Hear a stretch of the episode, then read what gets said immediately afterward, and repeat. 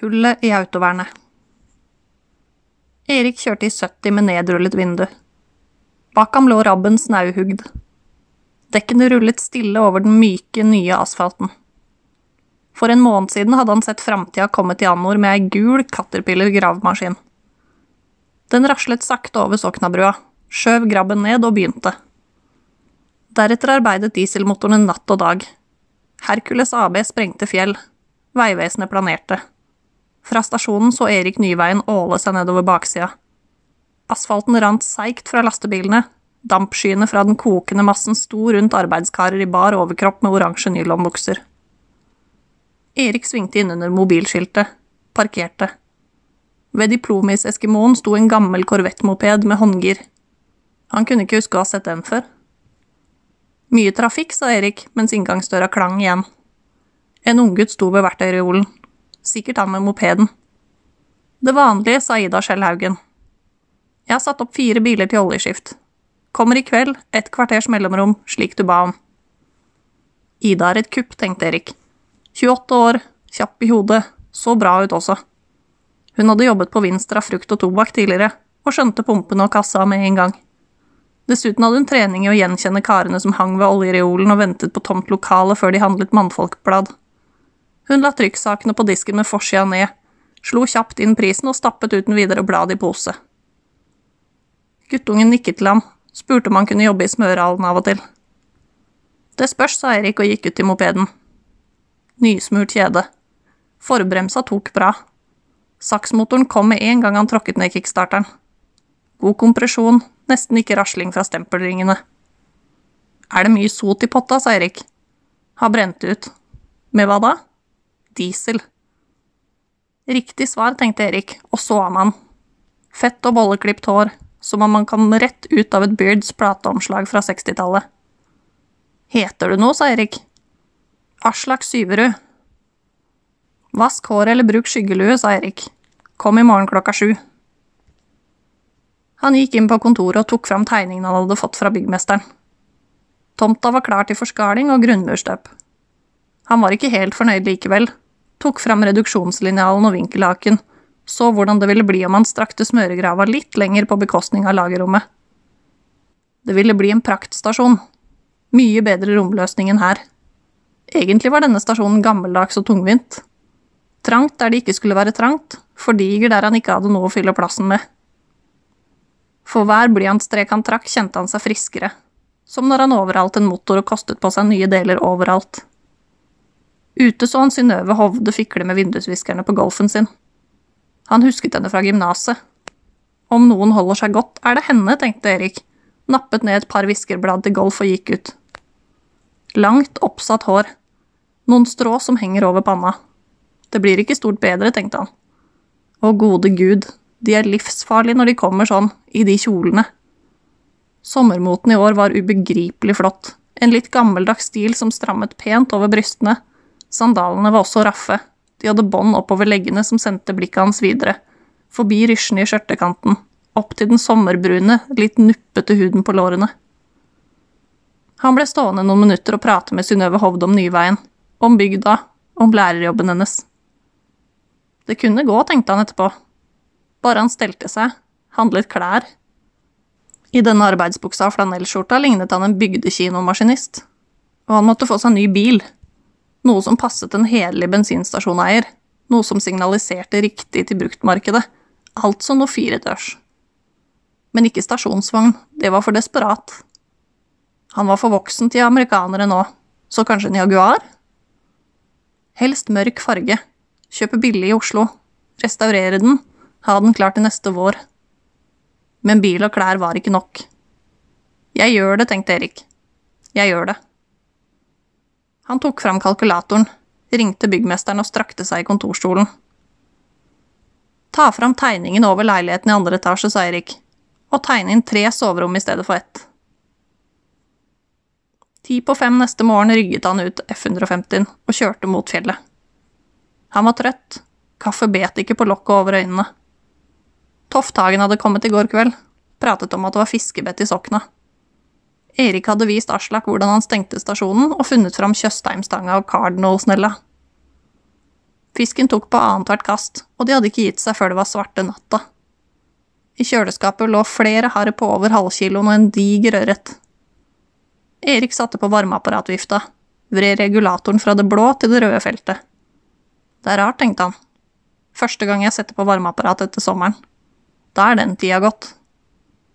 Jeg merker det på det, og på at postordrekatalogen kommer med høstutgaven og pakker damene inn igjen. Første varmeapparatdag har alltid smakt av noe nytt og noe som tar slutt.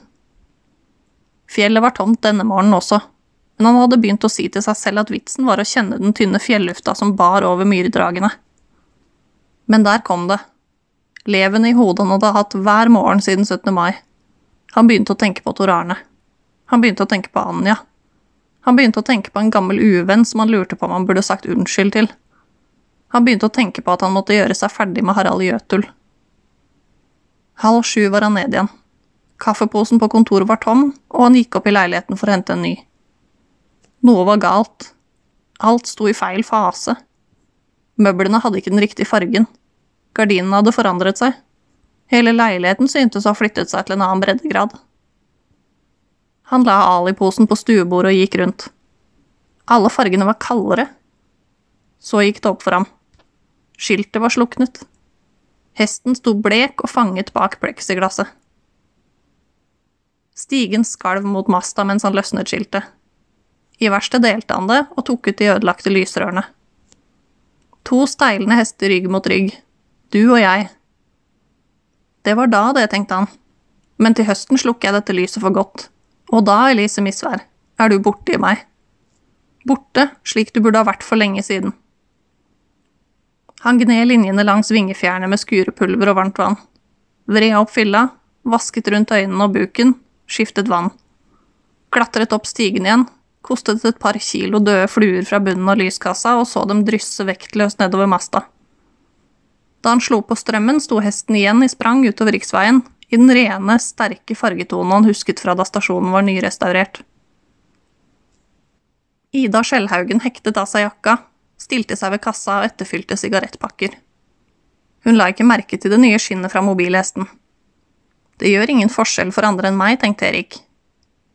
De pratet litt om arbeidsdagen som ventet, før han la i vei mot Rabben. Nyveien var så godt som ferdig. Lys stein i jevn størrelse lå i en fin skråning fra asfalten og ned mot elva. Et arbeidslag slo stolper til autovernet. Han tok opp plantegninga og så utover tomta. Kikket opp mot sola. Vaskehallen burde være på venstre side, slik at utkjøringa kom i skygge midt på dagen. Dermed ville ikke vannet soltørke og lage flekker på nyvaskede biler. Bak ham fortsatte arbeidslaget. Erik lot blikket gli langs veien. Noen hundre meter nedenfor, i et søkk, så han at det manglet 20-30 stolper til autovernet. Rart. Underlaget så ut til å være i orden. Jeg får gå ned og se, tenkte han. Etter et stykke snudde han seg og så på F-150. Den sto midt på rabben, i fin kontur mot elva. Et pent syn. Hadde han bare hatt med fotoapparat.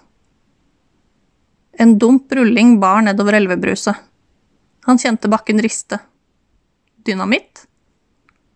Snart kastet en tung dur seg mot ham fra fjellsida, og en ruvende lastebil kom til syne. Erik gikk til side, kjente varmen fra asfalten slå gjennom skosålene. Lastebilen dundret forbi med hjul like høye som ham selv.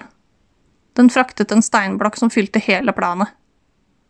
Lastebilen bremset ved hullet i autovernet, rygget seg til og tippet blokka ut i sokna. Vannet plasket til værs, noen skvetter landet helt oppe ved veien. Erik gikk ned, trakk inn dieselrøyken og den tørre steinlukta. De digre gummihjulene hadde tegnet lysebrune mønstre på det ferske veidekket. Under elvevannet så han steinblokka klarere og klarere ettersom Sokna vasket den ren. En ny lastebil kom, med samme last. Bak fulgte en sølvgrå Paiero. Den stanset like foran ham. Hva driver dere med? ropte Erik. Er det deg, Fiksen? sa Harald Jøtul over duren fra anleggsmaskinene. Jøtul vendte ryggen til, dirigerte en ny lastebil på plass spurte en kar i oransje veivesenjakke om hvor mange flere blokker de trengte som fundament. Det er grunt her, sa Jøtul, men elva kan være stri. Svar meg, sa Erik, hva er det som skjer? Vi tar bort fjellknausen før brua, sa Jøtul.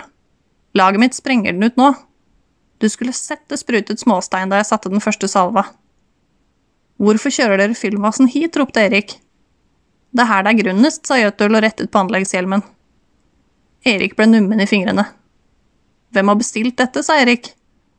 Det får du snart se. Svar meg, Jøtul, hvem i helvete har satt i gang dette? Ikke skrik rett opp i ansiktet mitt. Det er Statoil, for faen. Statoil, sa Erik. Vi fyller opp til steinmassen står noen meter over Sokna. Så planerer vi. Jeg og karene mine bygde en molo på Vestlandet i fjor. Dette er småtteri i forhold. Du skjønner ikke hva du gjør, Jøtul. Å jo da. Du hadde ikke tenkt på at det går an å lage landfiksen? Nå gjør vi Norge tre mål større. Nok til en mellomstor Statoil-stasjon med smørehall og vaskehall. Så du får se om du klarer å møte konkurransen. Men de får et salig forsprang. Du har jo ikke engang planert. Dette her, sa Erik, det var vel ditt forslag. Jeg hadde sprengt fjell for deg også, hvis du hadde spurt meg i starten. Da hadde kanskje Anja fått leve også. Når du sier slikt, går det ikke an å svare, sa Erik. Tomta di er fin, Fiksen. Store muligheter. Du kan jo drive med radiobiler. Eller du kan åpne veimuseum. Hva om du stiller ut en motbakke fra baksida?